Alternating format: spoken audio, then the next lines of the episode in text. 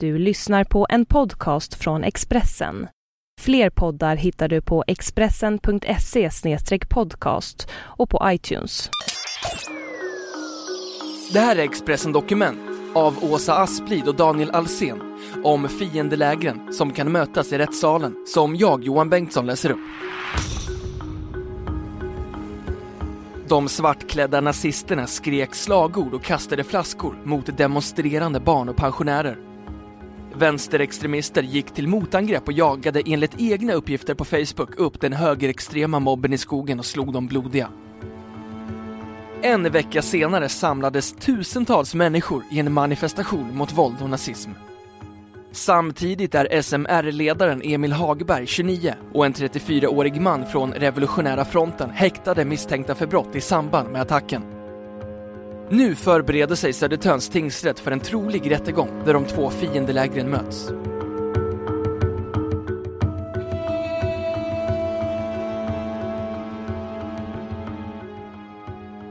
Taktfasta trummor dånade dovt, skyltar med röda hjärtan höjde sig över folkhavet och en kvinna delade ut olikfärgade ballonger till alla barn.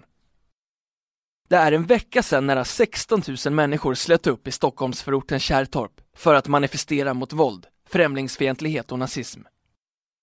Men minnet av det som orsakade det enorma gensvaret är fortfarande färskt hos de som var på plats i Kärrtorp en vecka tidigare.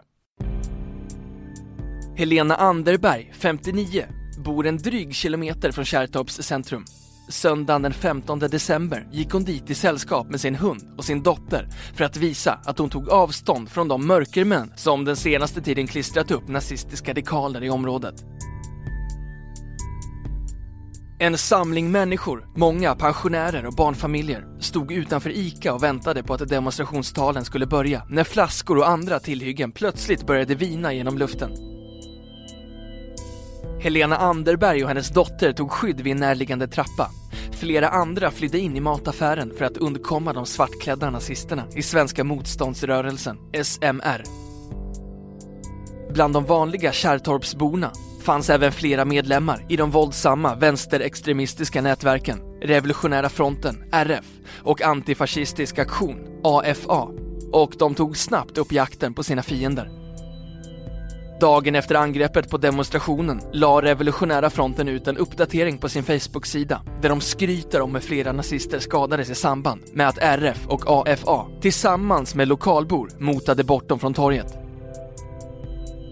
Ytterligare en dag senare ändrade RF sin profilbild på Facebook till ett foto på tre sönderslagna och blodiga SMR-anhängare. Vi talar det enda språk som nazisterna förstår, står det skrivet över bilden. Enligt en rapport om våldsam politisk extremism som publicerades av Säkerhetspolisen i samarbete med Brottsförebyggande rådet, BRÅ, för fyra år sedan konstaterades att vänsterextremistiskt våld utgör ett lika stort hot som det från högerextremistiska grupper. I dagsläget sitter fyra personer häktade misstänkta för olika brott i samband med det som hände i Kärrtorp den 15 december. SMR-ledaren Emil Hagberg och ytterligare två medlemmar i SMR är på sannolika skäl misstänkta för våldsamt upplopp. Efter förhandlingen hälsade Emil Hagberg med en uppsträckt arm på flera bekanta som samlats i tingsrätten. Den fjärde häktade personen är en 34-årig veteran i det våldsamma vänsterextrema nätverket Revolutionära fronten. Han är misstänkt för försök till dråp efter att en av nazisterna blivit knivskuren i samband med attacken i Kärrtorp.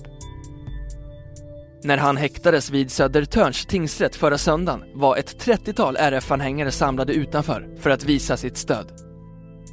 De uppträdde hotfullt och fyllde hela det utrymme i rättssalen som är avsett för allmänheten för att ingen utomstående skulle kunna se den 34-åriga mannen i samband med häktningen. Jouråklagare Charlotta Tanner berättar om tumultet. Det var en del liv där och det var många av hans sympatisörer där, det kan man väl säga. 34-åringen har en lång brottskarriär bakom sig. Han förekommer under åtta avsnitt i brottsregistret och har vid upprepade tillfällen dömts för olika våldsbrott. Mannen gick ut grundskolan med medelmåttiga betyg. På gymnasiet läste han estetiskt program där han bland annat tog en kurs i det mångkulturella samhället. Samma år som han tog sin gymnasieexamen deltog han vid ockupationen av det så kallade Västmanska huset i Linköping, där han attackerade polisen med molotovcocktails, stenar och slangbella. Han dömdes senare till sex månaders fängelse för bland annat försök till grov misshandel och våldsamt upplopp. Två år senare dömdes han till fängelse i ett år och fyra månader för sin delaktighet i Göteborgskravallerna. Efter kravallerna under EU-toppmötet i Göteborg 2001 har han blivit en veteran i Revolutionära fronten som bildades året efter. Att personer i den autonoma miljön hänger med så länge är ovanligt enligt journalisten och författaren Magnus Sandelin.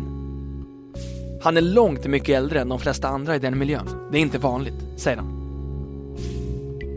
Så sent som 2011 dömdes den idag 34-åriga vänsterextremisten för att ha misshandlat och hotat en 14-årig pojke på en McDonalds-restaurang i Liljeholmen i södra Stockholm.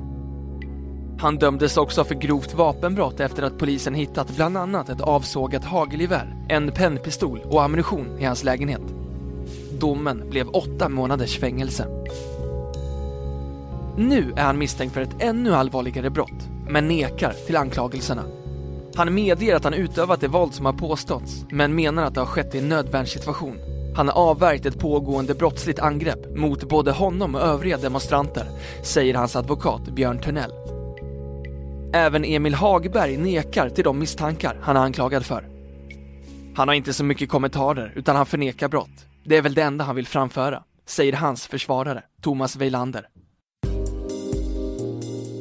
Åtal mot de två politiska antagonisterna ska i nuläget vara väckt senast i slutet av kommande vecka.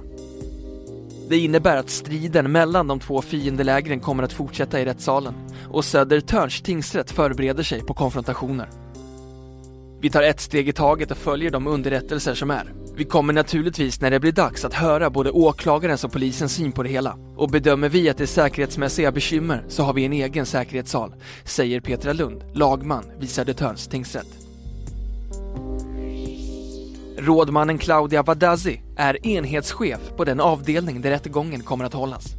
Hon har redan börjat diskutera med åklagaren om det finns möjligheter att dela upp rättegången.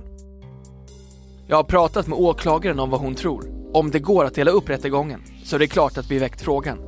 Vi kommer också i den mån vi behöver ta kontakt med polisen för att veta vilka åtgärder vi behöver vidta, säger hon. Revolutionära fronten är en organisation på vänsterkanten som grundades i kölvattnet efter kravallerna i Göteborg 2001.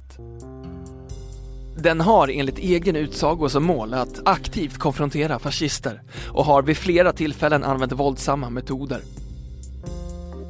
Svenska motståndsrörelsen förespråkar våldsanvändning för att nå sitt mål, att skapa en nordisk nationalsocialistisk republik. Den bildades 1997 och är idag en av de centrala aktörerna inom vit maktmiljön. Anders Bergman, författare och expert på extremiströrelser, menar att de två motståndsgrupperna har i grova drag 200 aktiva medlemmar var. Trots det relativt låga antalet anhängare anser han att samhället måste ta deras hot på betydligt större allvar än vad som görs idag. Särskilt eftersom båda lägren nu trappar upp sitt våld. Enligt honom står de nazistiska grupperingarna fortfarande för det grövsta våldet. Flera av deras anhängare är dömda för mord och dråp och de har ofta tillgång till mer avancerade vapen än vänsterextremisterna. Å andra sidan liknar han delar av den autonoma rörelsen vid en sekt som lämnat samhället bakom sig och han befarar att de, likt andra europeiska extrema vänsterrörelser som Röda brigaderna i Italien och Röda arméfraktionen i Tyskland, är i full färd med att avhumanisera sina motståndare och ställa sig utanför samhället. Revolutionära fronten är en sekt där de utesluter alla som inte accepterar våld. Deras enda mål är att ge sig på nazister. Nästa steg blir att attackera näringslivet och sen rättsväsendet, precis som de gjort i Europa, säger Anders Bergman. I Kärrtorp har vardagen nu återkommit till torget. Det syns inga spår av vare sig den våldsamma attacken eller den enorma manifestationen som skedde på samma ställe en vecka senare. Samtidigt fortsätter tusentals svenskar över hela landet att ta avstånd från våld, främlingsfientlighet och nazism och i helgen genomfördes demonstrationer i bland annat Kalmar och Örnsköldsvik. Det är viktigt att folk reagerar och att det är människor från alla bakgrunder och åldrar som går samman. Det är egentligen främst då som man kan skapa någon förändring. Och det är nödvändigt att man gör det, säger Kärrtorpsbon Helena Anderberg.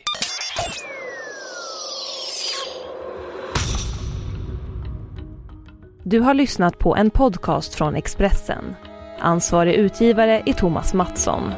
Fler poddar finns på Expressen.se och på iTunes.